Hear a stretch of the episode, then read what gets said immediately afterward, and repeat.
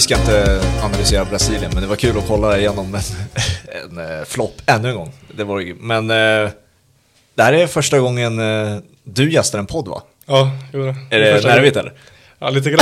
Jag vet inte riktigt vad jag ska förvänta mig, men det, det blir Nej, det är bara surr ju. Det är fotbollssurr. Det är hur enkelt som helst. Eh, och det är väl antagligen en stor del av det du gör. Vi, vi snackade lite innan. Det är liksom, när du inte spelar fotboll, det är typ det man gör. Spela spel och snacka fotboll. Det är väl typ det man gör. Ja, men det är så det blir. Man har ju mycket fritid efter träningar liksom. Ja. Eh, så man försöker göra någonting med grabbarna i laget. Men det blir mycket, mycket hemma, mycket ja, tv-spel och sånt. Men det har varit nu mycket fi, eh, Fifa, men också antagligen mycket eh, VM nu. Det, hur, uppehållet har varit nu i, vad är två, tre veckor nu för dig? Ja, precis. Två, tre veckor, så det har blivit ja, extremt mycket VM som du säger. Det, Stockholm är vackert helt plötsligt när man är tillbaka, eller hur? ja, otroligt.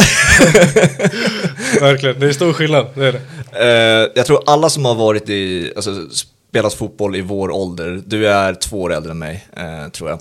98 är du va? Exakt. Eh, och de i vår ålder som har växt upp i Stockholm, i alla fall i västerort, har nog sett dig på en fotbollsplan i något hörn någon gång under sitt liv.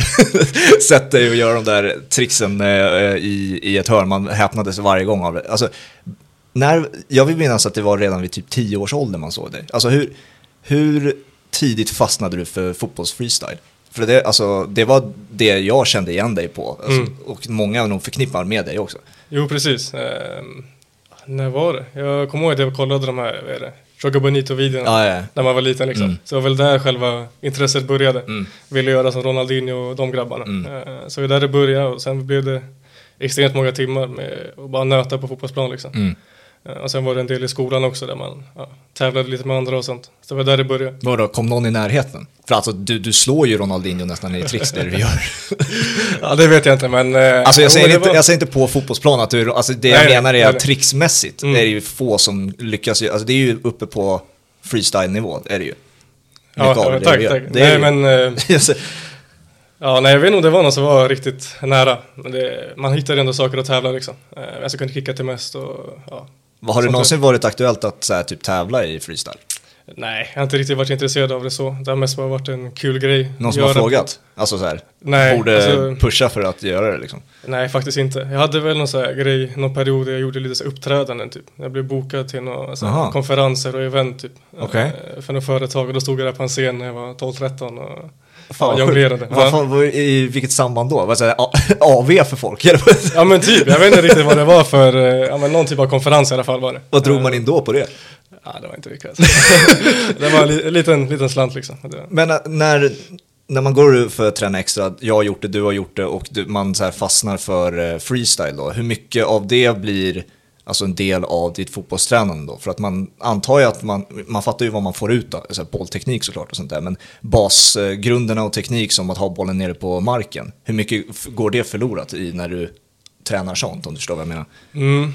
Eh, jo men det är klart, hade jag bara fokuserat på att göra massa tricks och sånt där, då är det klart jag hade tappat mycket viktig tid man kan träna på annat. Mm. Eh, och så den, jag har väl inte riktigt haft eh, det intresset för att träna så mycket på det, har mest bara suttit. Ja. Så när jag, jag gjorde det när jag var liten och sen dess har det bara, bara funnits där, så det är inget jag tränar på. Och det, var, det var något jag tänkte på när jag var, kan vara 14-15, jag tänkte att det, det är slöseri med tid, det är bättre att träna ordentligt liksom. Så det, för det var ju många som sa, ja men du, du kan bara trixa liksom.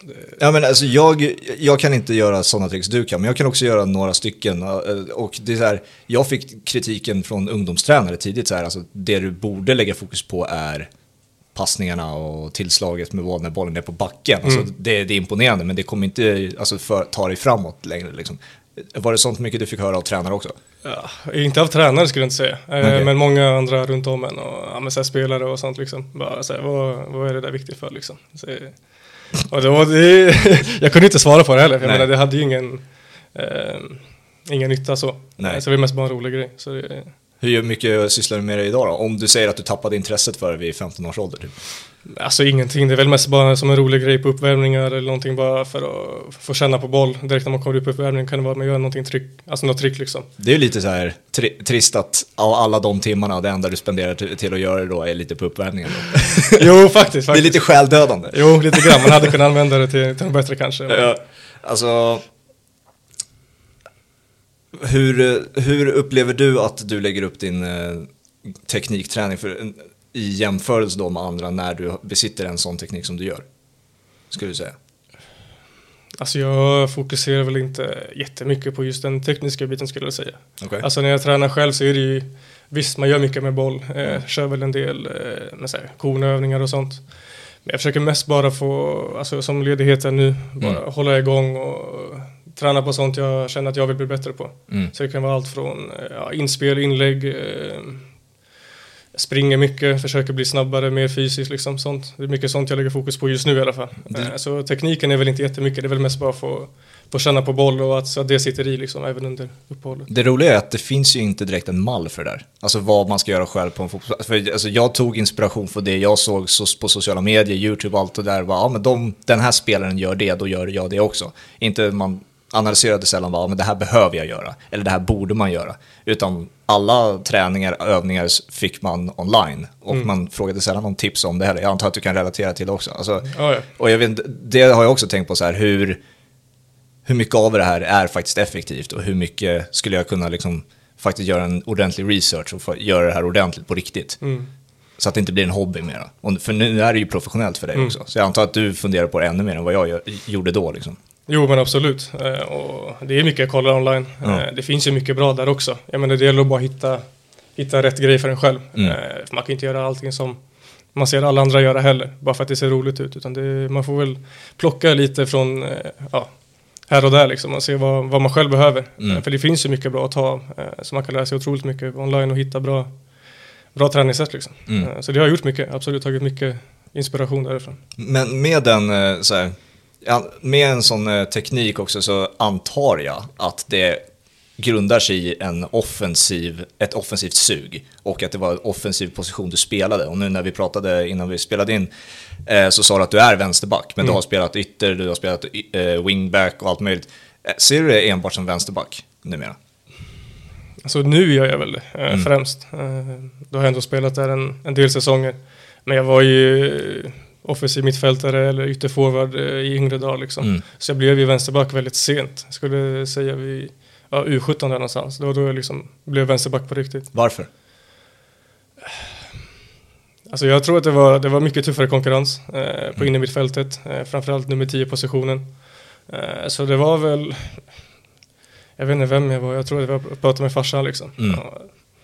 han tänkte testa vänsterback, se hur det går liksom. Kanske är bättre att ta sig fram där. För det finns inte lika många som Ja, som har väl eh, suget att vara vänsterback liksom. Det blir inte en jättesexig ju... position så, om man ska säga så. Uh, så det, det, var väl ett bra beslut nu när man ser på det. Mm. Ja, folk får ju det tipset också ofta om det är centrala mittfältare eller yttermittfältare att ta ett kliv ner i banan och bli ytterback. Det var väl eh, känt eh, citat från Jamie Carragher när han drev med Gary Neville, att det är ingen som växer upp och vill bli en Gary Neville. Ingen vill, växer upp och vill bli en högerback egentligen, utan Nej. det är oftast att man behöver anpassa sig. Men det finns också någonting i det att du hade inte egot att säga nej, det är inte kul att spela vänsterback. För som jag antar också är lite grundinställningen när man är offensivt lagd. Mm. Att bli så här, äh, jag, jag håller nog en hyfsad nivå fortfarande på den här positionen. Eh, och, och så vidare. Det, och jag antar också att det blir det blir någonting effektivare av att du har ett sug offensivt då. Ständigt som en vänster, vänsterback, eller hur? När, när du då drivs av att jag kan lyckas på en vänsterback, men jag anpassar mig offensivt då, när eh, laget har bollen ständigt. Mm. Jo, och det är ju offensivt mina styrkor ligger liksom, mm. eh, som vänsterback. Det är väl inte jättevanligt att eh, vara så offensiv som jag är som vänsterback. Mm. Eh, men som jag, ja, som man kollar förra säsongen och lite av den här så det har väl ändå, jag har väl ändå fått ut en del av det liksom. Mm. Sen eh, saknar man väl lite den defensiva biten till skillnad från vissa andra som har varit ytterbackar längre. Eh, men det, det är någonting jag jobbar på liksom. Så det... uh, vad, stryps, stryps, inte glädjen ska jag säga, men finns det en viss frustration i att se offensiva spelare numera för dig? När du, när du ser dem två, tre snäpp för, framför dig? Att du inte är samma delaktighet längre? Offensivt. Eftersom att, du säger det själv, mm. alltså defensivt är inte det jag föredrar att göra, det är inte det jag är bäst på. Men det är det du behöver syssla med mycket av det. Mm. Alltså, jag skulle inte säga att jag, jag har inte tänkt på det på det sättet liksom. Eh, utan jag försöker bara ja, jag sköta min roll så bra som möjligt liksom och bidra med det jag kan göra. Mm. Eh, och sen ja, som ytterback så har man ju ett ansvar defensivt också. Det är ju det man ja, främst ska göra. Det är att försvara bollen från att gå in i eget mål liksom. Det är Ja. därför man är i backlinjen. Mm. Så det, det är bara så det. Vi tar lite Brage också. Eh, vad, som vi sa, typ två, tre veckor sedan, eh, du berättade för mig att ni hade typ någon avslutningsfest och så, allt vad det var. Eh, av, hur avslutades det den här säsongen på? Alltså vad är känslan nu? För att det har varit, det var ju extremt mycket upp och sen så ganska snabbt ner och sen så jämnade det väl ut sig i slutet liksom. Och, Mm. Vad är känslan nu efterhand? Alltså en, eh, just nu så är det en otrolig hunger efter att eh, liksom få komma igång igen nästa säsong. Mm. Med tanke på sättet vi avslutade. Mm. Eh, Som du säger, det var, det var höga toppar i början av säsongen. Det gick otroligt bra, allting gick med oss. Men sen så kom ju ja, dippen där på hösten. Mm. Och det var väl en ganska rejäl dipp om man ska säga så, som vi inte riktigt lyckades ta oss ut över. Eh, Så det, det var tufft där på, på slutet liksom. Det var, det var inte mycket som gick på väg. Vad var analysen då? Varför blev det som det blev?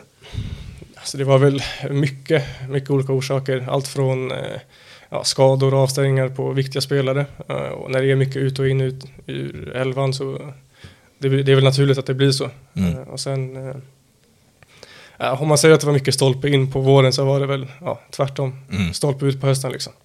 För jag menar vi gjorde väl en del matcher där vi ändå gör det hyfsat bra. Mm. Eh, men vi fick inte någonting med oss. Och det är väl så fotbollen är ibland. Det, det är bara, ja, vi har ju analys- analyserat det liksom så det är bara att ta det vidare till nästa säsong. Ja, alltså jag, jag var ju på plats med, på, när ni mötte BP där, när BP blev klara för att gå upp. Alltså ni spelar ju inte, spelmässigt är ni ju inte sämre, utan det är väl snarare effektiviteten ni Mm. fortfarande, ni hade problem med under hösten liksom. Men man ser ju att det finns ju en potential där, alltså att kunna gå upp. För ni låg ju, ni låg tvåa eh, under våren, om jag inte minns fel. Ja, vi skiftade lite där mellan både etta och två. Ja. Eh, så vi hade ju topp två positionen i Minst, Kan det ha varit 15, in, minst 16? insläppta mål också. Ja, precis. Ja. Så att det, liksom så här, det, det fanns ju det fanns ju någonting där och sen så, alltså branten var ju enorm också. Eh, Det var, det var ju också efter sommaruppehållet, var det någonting som hände under, alltså tappades det under sommaren eller någonting? Eh, nej, skulle jag inte säga. Nej. Det är inget man kände av så Nej. liksom. Utan, alltså dippen kom väl rätt oväntat. För jag tyckte vi, vi körde på utan, eh, det var inga konstigheter liksom. Vi körde på exakt som på våren. Eh, alla var ju otroligt fokuserade liksom. För Mm. vi, vi hade ju en bra position i tabellen och alla såg ju liksom framåt. Eh, och såg uppåt framförallt. Såg ut som blev- allsvenskan. Jo, det, man såg det framför sig liksom. Och det var väl just det som kanske var problemet också. Att Mm. man började ja, titta uppåt lite för, lite för tidigt liksom. Mm. För det var, det var fortfarande en lång väg kvar. Mm. Så det, så det är surt nu faktiskt. När, på. när det blev Brage för, det, typ exakt ett år sedan nu. Mm. Eh, vad var förväntningarna där och då? Vad såldes in? Eh, var det en förväntning på att gå upp eller i alla fall ligga där strax under? Eller vad, vad var det som, varför blev det Brage av den anledningen? Liksom? Alltså utåt sett så var väl inte sagt att man skulle satsa på någon topposition så och ta sig upp. Nej. Eh, För det hade varit rätt tufft säsongen innan. Mm. Eh, Så det var väl främst att ja, men etablera sig. eh, Det var många nya spelare. Så framförallt att få ihop den gruppen först. Och sen ta det därifrån och ändå försöka ja, men så självklart göra det så bra som möjligt i tabellen. Men det var väl inte just fokus på att gå upp. Det var väl inte huvudtanken liksom. Vad var nyckeln då, då? Att det blev så sammansvetsat så snabbt som det blev? Det är väl det var mycket. Är otroligt bra eh, ledargrupp. Eh, tränarna och allting fick ihop det väldigt snabbt. Eh, det var inga problem där. Och sen, det är väl också personligheten vi hade i laget. Det kanske... Jag vet inte vad jag ska säga, men det, det bara skedde av sig själv kändes det som. Det Mm. var naturligt. Alla kom bra överens redan från start. Träningsmiljön var bra från början. Alla var drivande och så liksom. Så det, vi svetsades upp ganska snabbt. Eh, och, ja, vi bara fortsätter på det därifrån. Hur låter målsättningen inför nästa säsong då? Har ni liksom höjt er sett till målsättning då? Jo, men känslan är ju när man kollar tillbaka på den här säsongen och man såg att eh, vi, har, vi är ju kapabla till, eh, till att vara med där uppe i toppen. Mm. Så nu självklart så kommer målsättningen vara att eh, ta en av de där två platserna upp liksom. Mm. Det, det hoppas jag på att eh, alla är med på liksom, att det, det är det som är målsättningen. Vad var, hur har din analys av din egen säsong varit och hur nöjd är du med den med tanke på, vad är det, 30 matcher, 24 från start, tre assist, två mål? Mm. Ja, precis. Eh, jag kände väl började ju riktigt bra. Mm. Eh, flöt på bra. Jag var nöjd med mina prestationer. Och sen ja, kan man säga i samband med att laget dippar så det är klart man inte är nöjd. Man vill ju alltid vinna liksom. Mm. Eh, Men om man ser på det i det stora hela så skulle jag väl ändå säga att jag gör en ja, godkänd säsong. Mm. Eh, Men självklart vill jag bidra med, med ännu fler poäng eh, och kunna bidra på det sättet liksom och ja, hjälpa laget till bättre resultat. Det roterades på din position lite mer också under hösten var det väl också? ja, precis. Mm. Vad blir det de sista fem, sex matcherna där? Mm. Då startade det inte alls. Köpte det, du det? Alltså så här, med tanke på att det blir en dipp och det blir förändringar och då blev det ju förändringar på annat på dig då. Mm. Jo, men det är väl någonting man får köpa liksom. Mm. Det, det är så det är. Det är upp och ner i fotbollen och ja, vissa veckor startar man, vissa veckor startar man inte och sen får man göra allting för att liksom ta tillbaka den positionen när man är Mm. ur elvan. Så det är klart det är surt. Det är ingen som vill, som vill vara i den positionen och sitta på bänken liksom. Så det men det är väl någonting man får köpa och jobba med sig själv liksom. Varför blev det Brage för ett år sedan? Var det liksom... Täby flöt ju på och blev bra väldigt snabbt, men sen det var väl också sportchefen som sa att de försökte få in dig lite tidigare, var redan 2021. Och sen blev det Brage ett halvår senare eller något sånt där. Va- varför blev det Brage? Jo men som du säger, det var ju på gång där redan Mm. under, under sommaren. Eh, men då blev det inte av av ja, olika skäl och vi låg i den positionen i Täby där att vi, eh, vi hade mycket att spela om. Vi Ja. låg i botten där så det var ju ingenting som var klart att vi skulle ta, ja, hålla oss kvar i serien liksom. Nu. Eh, Så det var ju mycket att jag ville ja, fortsätta och slutgöra det jobbet först. Eh, Och det lyckades vi till slut göra på, ja, på målskillnad. Så Mm. det var ju riktigt nära. Ja, det, det är två säsonger i rad nu, de har precis stannat. Liksom. Exakt, exakt.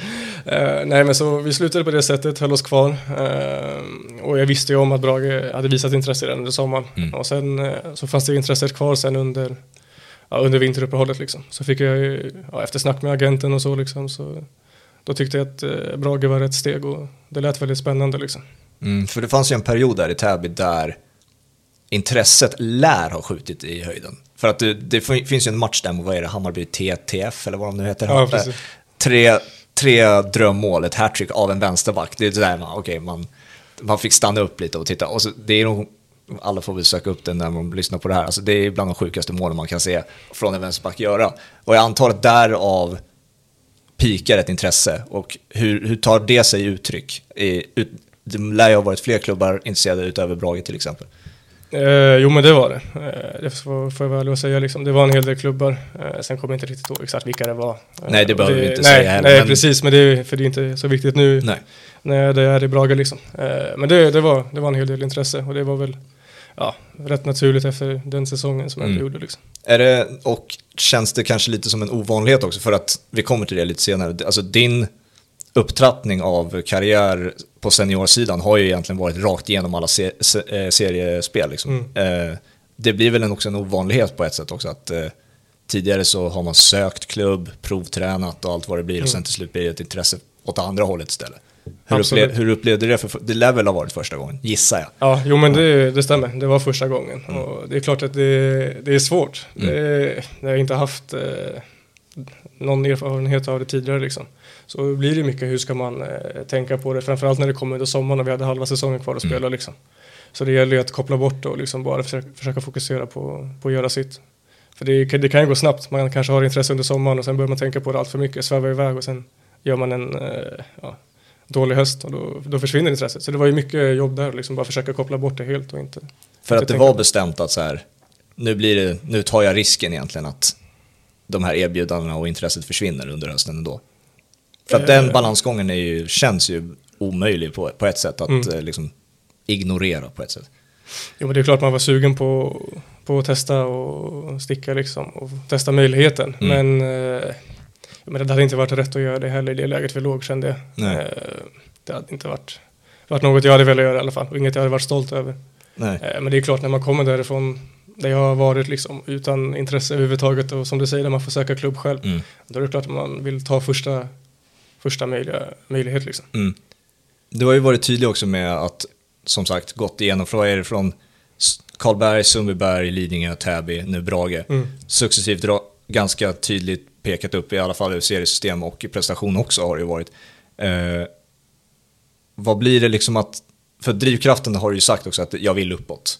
hur nöjd är du med liksom tillvaron just nu och hur ser drivkraften ut? Är den annorlunda nu när det blir, har blivit superettan? Ser den annorlunda ut?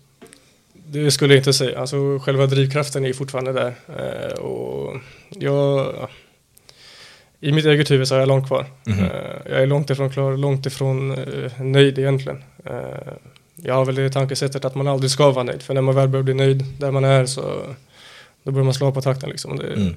det är inget jag vill göra. Nej, men det jag vill komma till kanske är snarare mm. att eh, inte, inte att du saknar en hunger, eller att nej, inte, nej, nej. men att det snarare är så här att nu har jag hittat en nivå som ändå är respekterad och hög och att jag mm. är faktiskt väldigt nöjd med tillvaron där jag är. Mm. Superettan är fortfarande liksom, det är en hög, hög höjd som man, jag redan har nått. Liksom. Mm.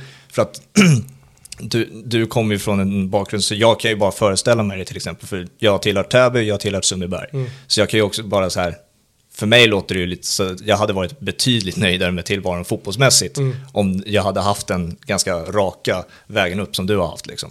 Och då, jag antar att det slappnar av en på ett sätt, nu måste inte jag jaga det här på samma sätt som man gör när, man, när du och jag var yngre. Liksom. Nej, precis. Nej, men det, det är helt, helt rätt. Liksom. Det, tillvaron som jag har nu, den är jag absolut nöjd med. Mm. Och jag menar, det, det tog ett tag att ta sig dit där jag är nu, mm. Eh, så det skulle vara konstigt om jag inte var vara nöjd med tillvaron nu liksom. Eh, så det, ja, men det känns bra. Jag är riktigt nöjd det, det jag är just nu i alla fall. Men eh, ja, som jag sa, det, det kan gå uppåt. Ja, absolut. men din, re, din resa är ju speciell också. Som sagt, vi har tillhört eh, samma föreningar. Men du har också var, gjort någonting som typ ingen svensk har gjort heller. Det, jag vill eh, fokusera lite på Nike Academy. Mm. Eh, först och främst kanske du ska förklara för dem, jag vet vad det är, men för de som inte vet vad Nike Academy är för någonting, vad är det? Jo men det var ju 2009 tror jag som eh, Nike startade sin akademi, mm. eller vad man ska kalla det. Det var ju ett, ett lag eh, med spelare från, alltså hämtade från hela världen liksom. Eh, så man bodde där heltid, tränade i stort sett varje dag, spelade träningsmatcher då. Man var inte med i någon serie, seriespel så liksom. Så det var ju uttagningar, vad blir det, två gånger per år till det där laget då. Mm. Och det var ju så man tog sig in i ja, Nike Academy liksom. Mm. Och när var det för dig? Du var, fan vad var det på, 17 bast var det då? Ja, uttagningarna började 2015 där, hösten någon gång. Uh, så sen flyttade jag dit 2016. Okej. Okay. Så ja, det var ett tag sedan. Vad, vad var det, alltså, först och främst, liksom hur kommer, hur vet du att det sker? Hur svårt är det att få den där provträningen och alltså, hur, hur ser starten och början ut på det hela? Uh, alltså, jag hade väl sett uh, mycket videos från det, var mycket på YouTube jag hade sett det. Mm. YouTube, Facebook, uh, så var det många som ja, deltog i de här uttagningarna liksom, och filmade och visade och det var ju mycket reklam från Nike då liksom. Mm. Det var ju där jag snappade upp på det först liksom. Fan, här skulle jag vilja göra mm. när jag blev äldre. Just då var jag väl en 12-13 så jag var mm. inte tillräckligt gammal. men sen såg jag där 2015 någon gång under sommaren att de höll uttagningar. så det var ju bara att signa upp sig liksom alla kunde egentligen signa okay. upp sig. Eh, så var det där första tillfället var på Skytteholm och då var det ju en två, 200-300 spelare kanske. Mm. Så det var en hel del och sen skulle de ja, ta ut en 5-6 därifrån som gick vidare till nästa del. Liksom. Mm. Och eh, hur många, vad ska man säga, steg är det innan du säger, ja ah, här har du tröjan, du är liksom en del av Nike Academy? Eh, det är ju, vad blir det? Först en uttagning i Stockholm, eh, sen efter det var det en i Amsterdam. Och sen därifrån tog de ut ytterligare eh, spelare och sen var den sista liksom, världsfinalen liksom, var i, på St. George's Park då, Englands träningsanläggning. Ja. Där ni sen till, tillhörde, det var där ja. ni Ja, det var där själva ja. basen var liksom ja. sen. Eh, så det var ju sista uttagningen där i, i England. Eh, och då var det folk från ja, hela världen som hade gått igenom samma process fast eh, ja, i sina länder liksom. Ja, du, man, och så, som sagt, du är väl 15-16 någonting så här. Du är ju inte direkt nollställd mentalt när sånt sker och det blir Alltså det här är, det är ju någonting över någon typ av talangjakt där, där du, du eh, jagar en dröm på ett sätt, men också blir det du, osäkerheten av att du jämför dig med otroligt många talanger världen över. Eh, hur hur eh, påverkar det dig under den perioden? Liksom? Alltså det var ju, det var ju tufft såklart. Eh, mycket, eh, man tänkte liksom, fan, klar, kommer jag klara av att ta mig varje steg? För först när jag dök upp på uttagningen där i Stockholm, det var 200-300 spelare, tänkte man liksom bara, hur ska jag synas här? Mm. Uh, men det lyckades man göra och sen tog man ju sig vidare till nästa steg uh, och där var det lika, nivån var ju riktigt hög. Så det var, ju, det var ju tufft, det var det absolut. Eh, Fann man knep på att sticka ut när det är så många ungar liksom som söker samma grej? Alltså jag försökte väl mest bara fokusera på att prestera så bra som möjligt. För jag hade väl tanken att eh, gör jag det jag ska göra och gör det bra så kommer det synas. Mm. Jag tänkte väl att eh, börjar jag göra massa ja, överstegsfinter Mm. och sådana där grejer som inte riktigt är naturligt då kommer de väl avslöja det också se att eh, fan, vad håller han på med liksom. Ja. Så det var väl mest bara fokusera på mitt och prestera så bra, så bra som möjligt. Så tänkte jag att det skulle gå vägen. När man genomför det så kan jag gissa mig att, att det är betydligt lättare sen att genomföra en vanlig provträning. Alltså när det kommer till andra Stockholmsklubbar som man har gjort, både du och jag. Liksom Ja. Jag har ju tävlat med hur många hundra kids liksom, och nu ska jag trä, trä, tävla om en position här. Mm. Det känns betydligt mer, jag vill, eh, du, du, du kan ju du svara på, det känns ju enklare på ett sätt då. Jo, absolut. Eh, så är det ju. Men sen självklart när man kommer till en ny miljö, vart det än är, så är det ju klart att det, det är nervöst. Eh, även om jag varit med om den resan så är det fortfarande rätt nervöst när man kommer till en ny klubb. Liksom. Det här med Nike Academy också, avsikten var, så jag uppfattade, det fanns ju flera delar i det där. Man ville ju sälja Nike-skor och det blev liksom det var väl att ni fick vara en reklam för ny, en ny ungdomsutveckling som fick, allting var ju Nike, det var ju skor och det var kläderna, allting liksom. Men sen var avsikten också att hitta prof- professionella kontrakt till de här spelarna som kom till Nike Academy. För att ni hade, ingen av som kom in i Nike Academy hade ju professionella kontrakt. Nej, precis. Eh, det var ju som de brukade säga, eh, the world's best unsigned players liksom. Eh, Mm. Det var så hade- de sålde in det i alla fall. Exakt, Mm. det var ju så det lät. Så ingen hade ju kontrakt som du sa och tanken var ju då med de här träningsmatcherna eller uppvisningsmatcherna eller vad man nu ska kalla det så var det ju liksom att scouter skulle ta sig dit, scouta spelare och sen plocka dem därifrån. Funkade det var det, då i praktiken sen? Alltså för en del gjorde det det. Sen Mm. var det väl inte jättemånga som eh, lyckades få ett kontrakt den vägen. Nej. Eh, det har väl varit mycket sen när man har lämnat akademin liksom. Eh, men för några funkade det. För dem gick det bra liksom. Det var, gjorde du det tillsammans med Pontus Almqvist också? Mm, jo, han var där samtidigt. Ni var där samtidigt? Ja, är det de enda svenskarna som har gjort det? Jag vet inte om det var någon innan. Det Okej. kan ha varit en, ja, två stycken innan. Så jag vet inte om var, de var där en så lång period liksom. Men ja, jag och Pontus var ju de enda svenskarna där under den perioden liksom. Har ni kontakt fortfarande? Eh, nej, faktiskt inte. Nej, trist. Nej. Men men det, blev det liksom att ma- den man eh, var med, liksom där, det blir ju då en trygghet att den enda svensken som är på plats liksom. Mm. Jo, självklart. Man flyttade till ett nytt land och man visste ju inte riktigt vart man hade kommit först. Liksom. Det var ju folk som... Ja, man mötte på nya kulturer och allting. Det var ju Mm. folk från alla möjliga länder. Så det var ju mycket nytt. Och då är det ju självklart att man ja, börjar från början omringa sig med den andra svenskan. Liksom. Det, vi kom bra överens där. Vi gjorde mycket tillsammans. Och det var ju skönt att ha en eh, som man kunde relatera till också. Liksom. Mm. Och va, tränarna var John Goodman och sen var en tidigare Wolves-spelare, Matt Murray va? Mm, hur, var de, hur var de? De var otroligt bra, otroligt drivna, eh, otroligt eh, seriösa i allt de gjorde. Eh, det, var liksom, det var höga krav. Mm. Eh, och det var liksom, de la ner, eh, de gjorde det där på heltid, de bodde i oss också liksom. Så Mm. det var ju det enda de gjorde och de la ner allt i det. Och det eh, man lärde sig otroligt mycket, man märkte att de hade erfarenhet eh, från tidigare liksom. När Premier League-erfarenhet fanns det ju liksom. Den. Mm. Jo, jo, Eh, ja. Och ja, det är ju intressant också för då har du tagit del av tidig svensk ut, träningsutveckling, alltså ut, ur ett spelarperspektiv, men då också det engelska. Mm. Vad fan är skillnaderna hos eh, svenska kontra engelska? Jag skulle säga att England var det mer, eh, mer rakt på. Eh, liksom på träningar och sånt. Det var liksom inget, eh, inte något daltande om man ska använda Nej, det nej. ordet liksom. Eh, Där skulle jag väl säga att de är lite hårdare. Mhm. Eh, ställer högre krav Mm. skulle jag säga. Om man jämför med ja, de ungdomslagen jag varit i tidigare liksom. Ja. Så det är väl det som är den största skillnaden. Sen är det väl lite i fotbollen också. I Sverige är det väl mer mycket springa och sånt liksom. Och I England är det väl en annan typ av fotboll också. Så det var ju det var man tvungen att anpassa sig till också. Ja, det, det har ju i och för sig varit en liten förändring i England. Så här, tidigare har det väl också varit mycket springa Mm, och mm. kötta, liksom, men där, lite med Nike Academy, men också alltså, den trenden som var två, tidigt 2010, sån där 10-talet där. Då ville man ju komma på ett något sätt närmare det internationella och mer, då var det ju hur hett som helst med tiki-taka och allting Mm. sånt där också. Så jag antar också att när det blev Nike Academy lite mer hippt så där, ville man närma sig den typen av fotboll också. Det var- skulle Mm. vara mer attraktivt. Jo, Eh, precis. Så man kom undan från det tidigare engelska brunket liksom. Mm. Och det blev kanske lite mer fotbollsaktigt, fotbollstränande i, i England då. Jo, exakt. Eh, och det var väl det sättet man skulle eh, visa upp sig också som spelare. Mm.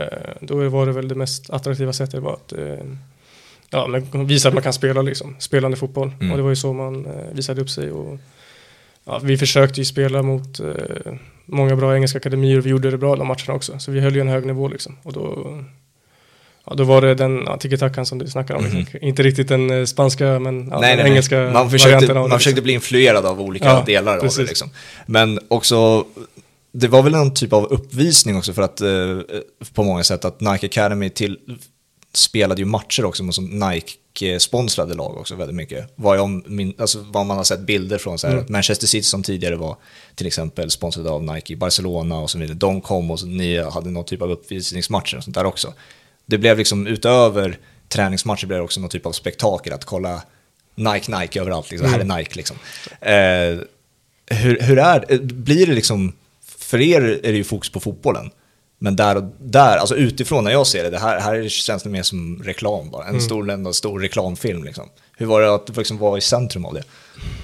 Alltså, vi hade ju mest eh, fokus på fotbollen faktiskt. Eh, vi spelade. Sen var det ju mycket också runt om när vi åkte iväg på resor som vi gjorde till, eh, till Portland där Nike liksom headquarters ligger. Mm. Och då var det mycket också runt om. Man skulle testa produkter och Ja. vara med i undersökningar och sånt. Så det var ju mycket sånt runt om också. Det var ja, media också. Eh, men ja, man vande, alltså det, det blev en grej man vande sig vid liksom. Efter Ja. ett tag. Men så här, var du ett sneakerhead eller blev du ett sneakerhead efter det? Ja, om jag inte var det innan så var jag absolut efteråt. Ja. Eh, Så det har ju blivit en del av det nu liksom. Ja. Det, det är skor för hela delen. Och det, Och du lär inte ha släppt så mycket, alltså jag, är jag har ju Nike-skor när jag spelar och jag har inte ens, alltså jag har inte haft den möjligheten att få testa varenda produkt som fanns på hyllan liksom. Eh, så jag antar, alltså det påverkar ju en också, det är ju mycket Nike lär det ju vara för dig fortfarande. Alltså det är svårt att släppa det när man väl har blivit biten alltså. ja, absolut. Det är klart det är svårt. Jag menar när man... De gjorde ju det här för en liksom och det är man ju tacksam för. Man fick vara med på den resan. Mm. Eh, Och att eh, Nike hade den här akademin liksom. Mm. Så det är klart att det, det är fortfarande mycket, mycket Nike man har. Vet du varför de la ner sen? När var de la ner ens? Det var typ, det, Det var inte var så ju- många år sedan. Nej, alltså det, jag hade ju bara hunnit vara där i ett år liksom. Ja. Eh, Sen la de ner hela. Och det, Du var under, under perioden du var där de la ner? Ja, jag flyttade hem i december. Sen la de ner allting tre, fyra månader efter det. Var det nyheter för dig där och då, när du hade, efter att du hade flyttat hem? Nej, de hade det på känn. Det var Okej. väl lite därför jag flyttade hem Okej. också. Utan jag fick höra redan, att, alltså redan innan jag flyttade hem att det, det var på gång. Vad var Eh, anledningen till det? Det vi fick höra var väl att eh, de hade gjort den här satsningen länge. Eh, vad blir den? Ja, nästan tio år. Mm. Och de tjänade väl inte jättemycket på det. För Nej. de var ju mest bara reklam liksom. Mm. Eh, så de fick ju inte en krona tillbaka. Och då, ja, Nike som det märket är vill väl hela tiden liksom utveckla sig och hitta, hitta nya sätt att marknadsföra sig på. Ja. Så de tänkte väl att eh, det var, det var dags liksom att avsluta det. Mm. Och som du säger, det, alltså, det var, blev ju inte jättemånga välkända namn som kom ur därifrån. Alltså det, det, den som man känner igen mest kanske om man säger, gör en enkel Google-sökning. Jag vet att David Eckham som är tidigare var i Helsingborg, Hammarby, har varit där. Och kanske det mest kända namnet är Matty Cash, väl? Eh, Mm. Aston Ja. Villa, högerbacken har varit där. Eh, Men som du säger, inte så mycket mer utöver det. Och det var väl, det är svårt att, när man ser tillbaka på det, kan jag uppleva det i alla fall som inte var där, vad var faktiskt målet? Var det reklam eller var det faktiskt att utveckla spelare? Mm. För så här, som när man skulle signa, eller vad, vad det nu blev, att man drog in de hetaste talangerna utan kontrakt eh, och sen erbjuda kontrakt till de här talangerna. Det lät ju bra, Mm. eh, men det kanske inte var så praktiskt. Det var därför jag ställde frågan tidigare. Liksom. Och jag vet inte, nu när du ser tillbaks på det, och- jag vet inte vilka alternativ du eh, rent fotbollsmässigt skippade hemma i Sverige. Men eh, jag vet inte, du kanske inte ångrar dig, men eh, det, fa- det fanns ju säkert några andra alternativ hemma i Sverige också. Eh, ja, jag vet faktiskt inte om jag hade så mycket alternativ i Sverige. Ehm, så när jag ser tillbaka på det så ser jag tillbaka på det som, som ett bra beslut faktiskt. Mhm. Visst att jag inte fick någonting utav det som ett kontrakt liksom. Men det var otroligt mycket som jag kan ta med mig än idag som jag lärde mig där liksom. Mm. Och jag kände att jag kom tillbaks till Sverige bara efter ett år som, som inte en ny spelare men med ännu mer erfarenheter liksom och Mm. mer självsäkrare Mhm. skulle jag säga. Och när du kom tillbaka hem från Sverige, fanns det någon frustration att, jag vet, vi har inte pratat om det, du ska ju också kolla om du fick några erbjudanden där. Men alltså, när du väl, det blev, blev väl, om det var Karlberg eller Sundbyberg, mm. efter, när du kom hem sen. Och det fanns det en besvikelse där att det inte fanns någon, något erbjudande? Att, för att det var ju på ett sätt målet när man går dit. Jo, det är klart. Man hade ju vissa förväntningar eh, innan man flyttade dit. Man tänkte, man började sväva iväg lite i huvudet och tänka, fan den här, den här resan kommer bli bra. Mm. Nu ska jag hitta en klubb i England också och ja, signa där liksom. Mm. Eh, sen blev det inte så. Eh, det är klart man var lite besviken när man kom hem, självklart. Eh, man hade ju förväntat sig mer. Och då var det ju liksom att eh, ja, sätta igång med att hitta en klubb här i, här i Stockholm. Ja, och då får man återigen göra det på egen mm. hand och provträning och sånt där. Det blir ju en kontrast, alltså för att där fick du väldigt mycket på ett sätt serverat. Liksom. Det mm. var liksom, Nike Academy innebar, innebar ju att ni egentligen bara var där för att träna och spela. Eh, och sen blir det hem igen och det här, blir det här divisionlunket igen liksom, som många vill bort ifrån. Liksom. Mm. Så det, den kontrasten lär ju ha varit enorm på ett sätt. Jo, absolut. Det var, det var enorma skillnader. Där borta i England så var ju allting som du säger, det var serverat. Eh, man bodde där på heltid, det enda man fokuserade på var fotbollen. Eh, jag tog en paus från plugget just där och då, så det var, mm. liksom, det var inget utöver fotbollen. Liksom. Mm. Eh, och anläggningarna där, det var ju liksom, det var världsklass. Det var... Ja, St. George's Park. Precis. Va, va, det är där England tränar vanligtvis, alltså sina, mm. sina landslagets träningar. Mm. Förklara mer där, vad är det som gör den så pass bra? Och när man ser de, de klippen, alltså det, det är ju golfgreener överallt och det är, allting ser modernt ut och sånt där. Hur är det att vara på plats där? Uh, men det, det, tog ett tag att liksom bli van vid det. Uh, mm. För det var när jag kom dit första gången där på liksom uttagnings, den här uttagningsfinalen. Liksom. Mm. Då, jag visste inte riktigt var jag hade kommit. Jag tror de har en 10, 11, 12 planer liksom. Alla ja. är exakt lika perfekta. Mm. Uh, så det var ju någonting som var väldigt nytt när man kommer från Sverige och de här konstgräsplanerna. Liksom. Ja, du, du, och jag är ju bara vana med sketna mm. konstgräsplaner som är nedtrampade sedan tio år tillbaka. Liksom. Exakt, Nej, så det, var, det var ju otroligt coolt att få komma dit mm. och sen att ha det som en vardag liksom och, och träna där varje dag. Det, mm. var, det var otroligt faktiskt. Mm. Och är det att du sover på anläggningen också?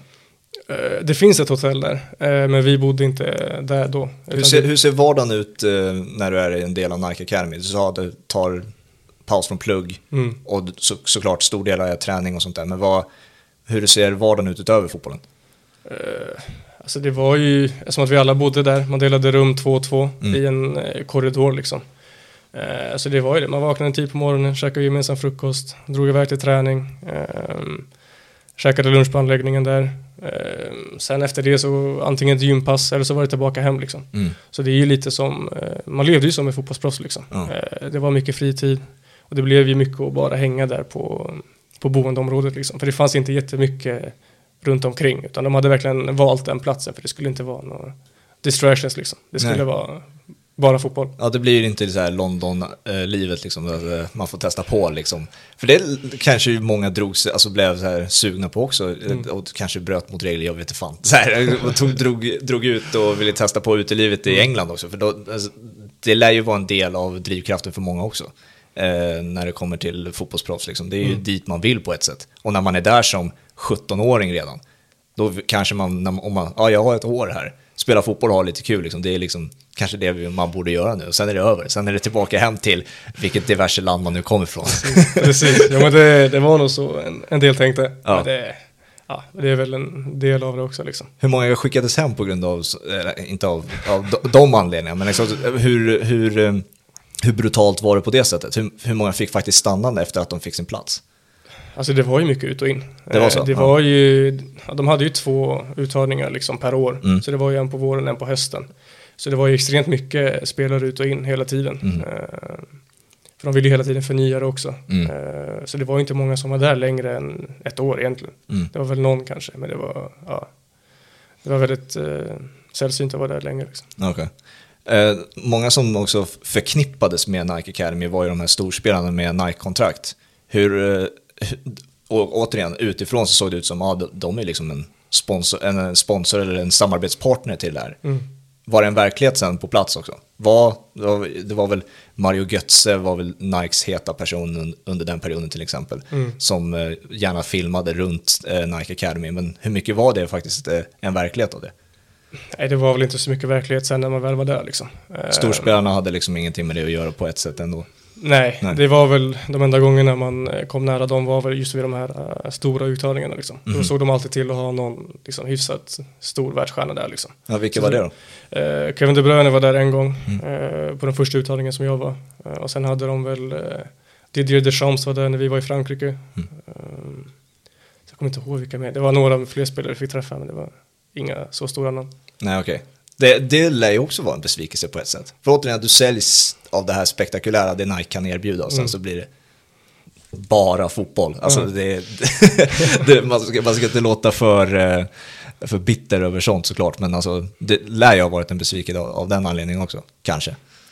Jo, absolut. Det kan det väl ha varit en liten del av det men man var ändå, där, man, man var ändå nöjd med att vara där liksom. Mm. Det, det hade varit en lång väg och man, man njöt av det varje dag liksom. Ja. Det var, men Nike har haft sådana där eh, projekt som har varit så här kanonbra. Jag kommer ihåg att de hade en app som de satsade dunder på.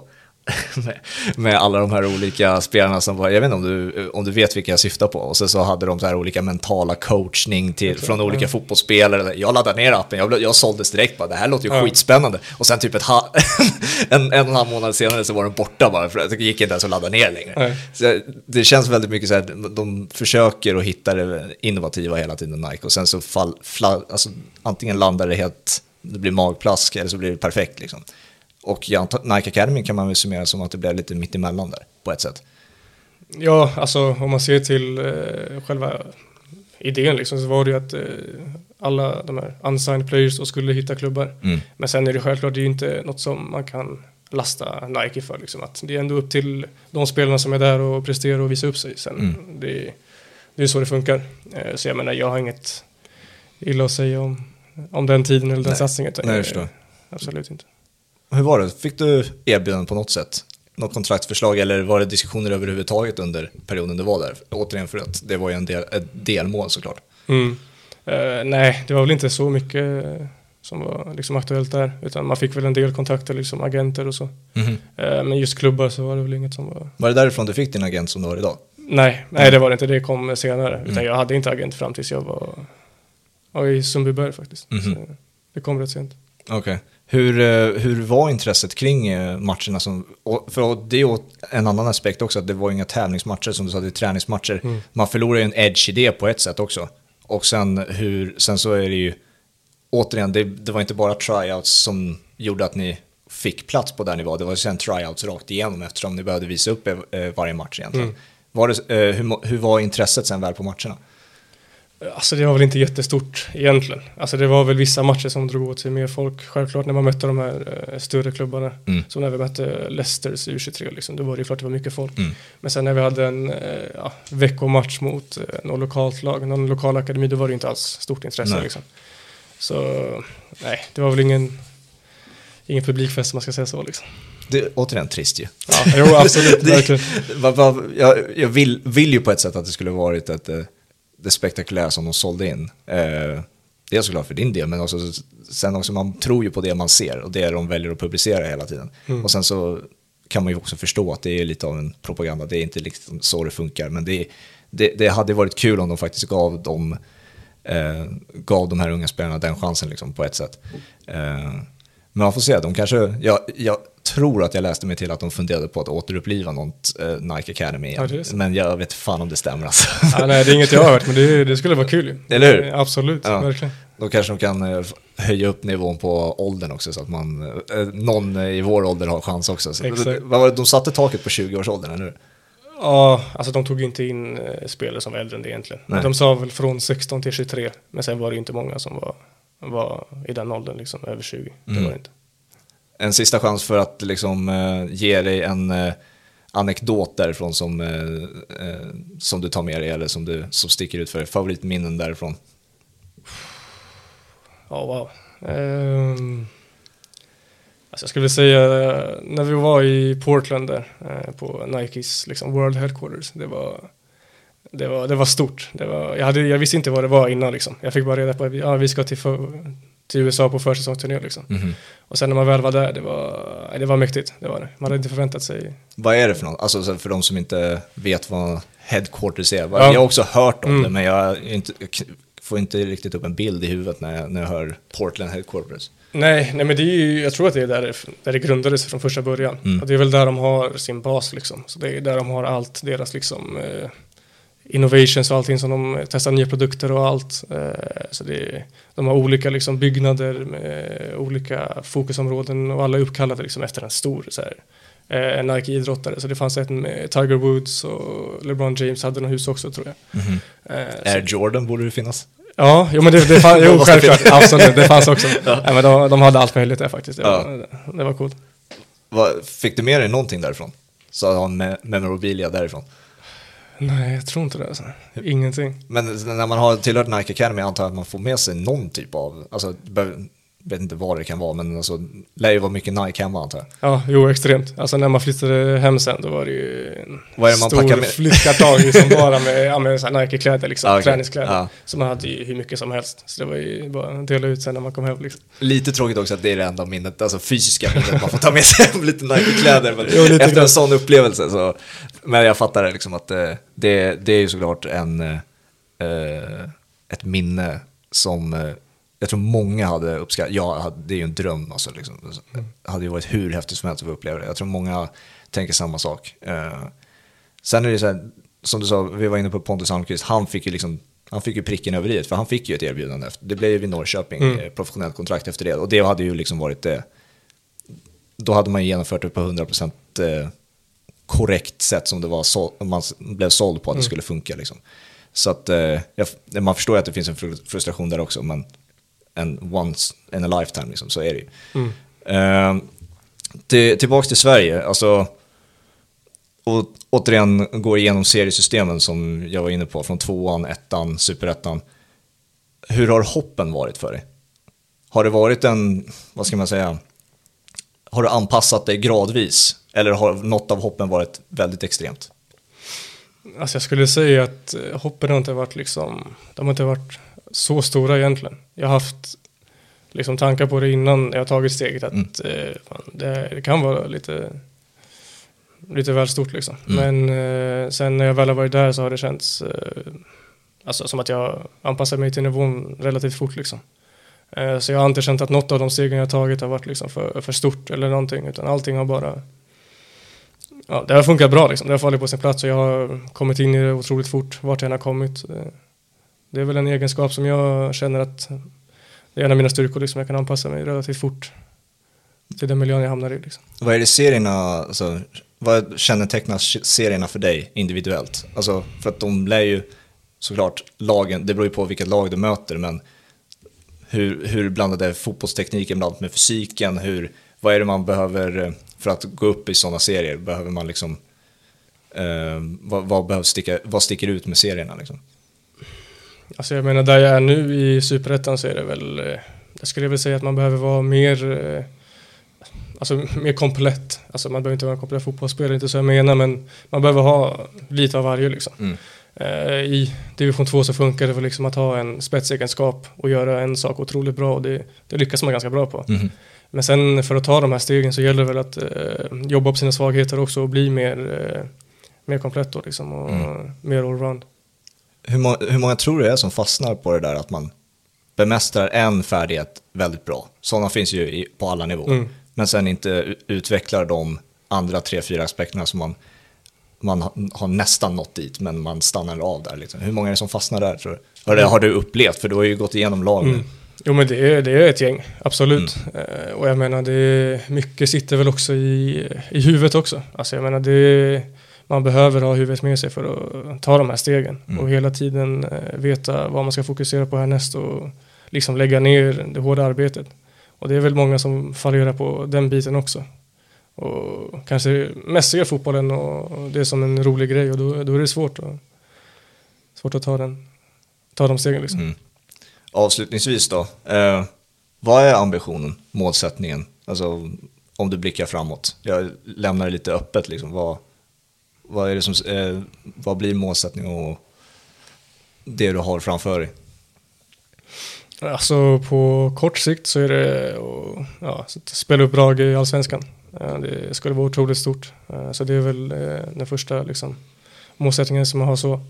Men sen på längre sikt så är det att bara fortsätta ta steg, ta mig så, så långt jag kan.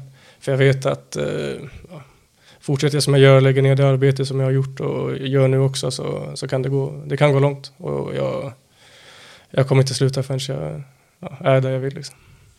Vi, jag hejar på det här hemifrån i alla fall. Vi, Västerort måste hålla ihop. Så stort tack hörru. Det här gick ju fan, det här gick ju helt okej, eller hur? Ja, absolut. Det rullade på för att ja, vara en debut, eller hur? Ja, absolut. Det var som jag sa, det var nervöst innan. Men det tyckte det gick helt okej. Ja, absolut. Fan. Vad landade vi på grabbar? Är vi uppe i en timme? Ingen aning. Han somnar där borta. Eh, stort tack att ni har lyssnat. Vi eh, får se om det blir någon typ av eh, nyårsavslut eller vad det nu blir för att vi måste också ta lite julledigt också. Vi, eh, även fast vi inte spelar fotboll som ni. Eh, så stort tack återigen att ha lyssnat. Tack för att du kom. Ja, tack för att jag fick komma. Eh, vi får ta det här om det blir sommaren eller om ett år till och se hur långt det har blivit, hur långt det går och vad, hur framtiden ser ut då. Det får vi se då. Tack så mycket hörni.